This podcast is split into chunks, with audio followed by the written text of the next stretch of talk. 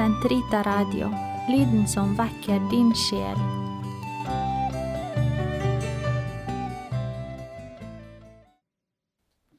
Den katolske kirkes katekisme, uke 47,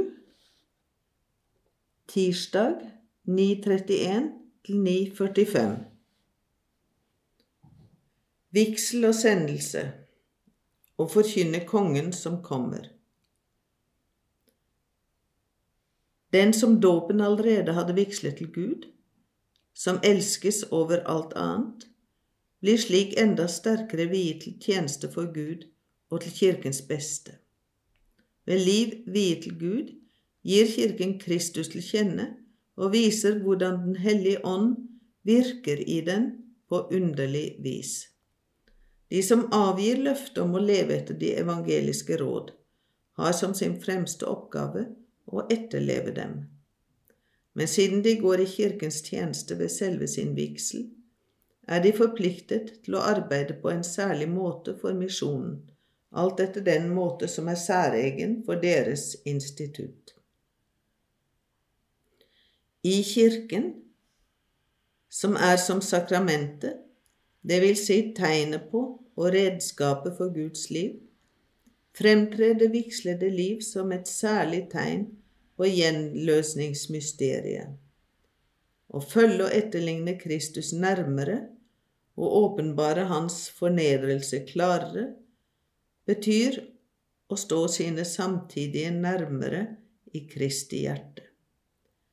De som befinner seg på denne smalere vei, oppildner sine brødre ved sitt eksempel og avlegger et strålende vitnesbyrd om at verden ikke kan forvandles og bæres frem for Gud uten med saligprisningens sinnelag. Enten vitnesbyrdet er offentlig, slik tilfellet er med ordenslivet, eller mer skjult, ja, hemmelig, forblir Kristi komme for dem som er viet til ham, deres livs opphav og morgenrøde. Da Guds folk her nede ikke har noe blivende stad, viser denne livsform de troende at himmelens goder allerede er til stede i denne verden. Den vitner om det nye og evige liv som Kristi forløsningsverk vant, og bærer bud om den fremtidige oppstandelse og himmelens herlighet. Kort sagt Etter guddommelig forordning finnes det i Kirken geistlige embetsbærere som Kirkeretten også kaller klerus. Hva de andre angår, kalles de legfolk.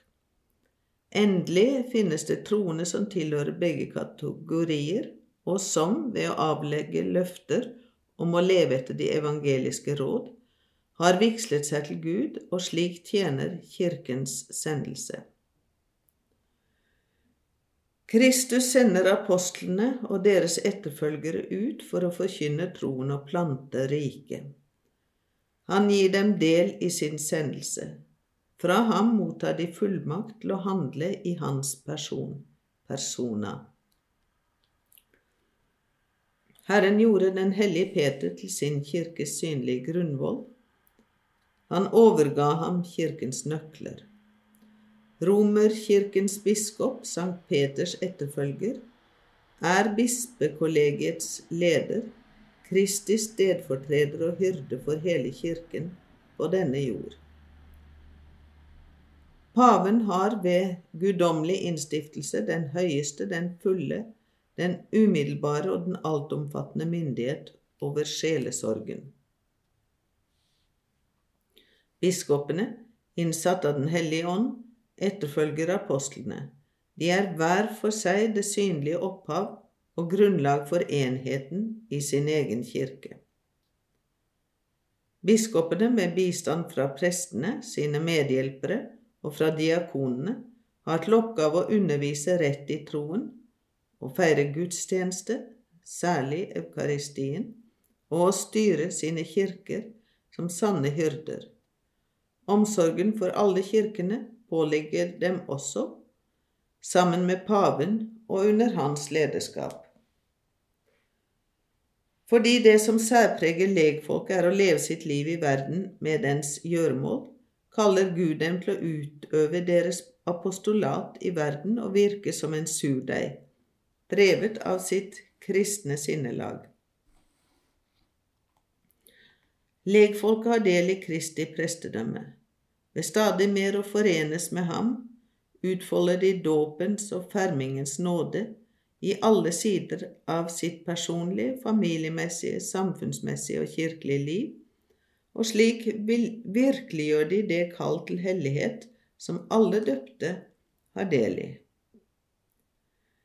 I kraft av sin profetiske sendelse er legfolket også kalt til å være Kristi vitner i alle ting, og dette midt i det menneskelige fellesskap. I kraft av sin kongelige sendelse har legfolket makt til å utrydde syndens velde i seg selv og i verden, ved selvfornektelse og ved et liv i hellighet. Det gudviede liv kjennetegnes ved offentlige løfter om å leve etter de evangeliske råd om fattigdom, kyskhet og lydighet, etter en varig leveregel godkjent av Kirken. Den som dåpen allerede hadde bestemt for Gud, overgitt ham som elskes fremfor alt annet, er i det vigslede liv enda nærmere viet tjeneste for Gud, til beste for hele Kirken.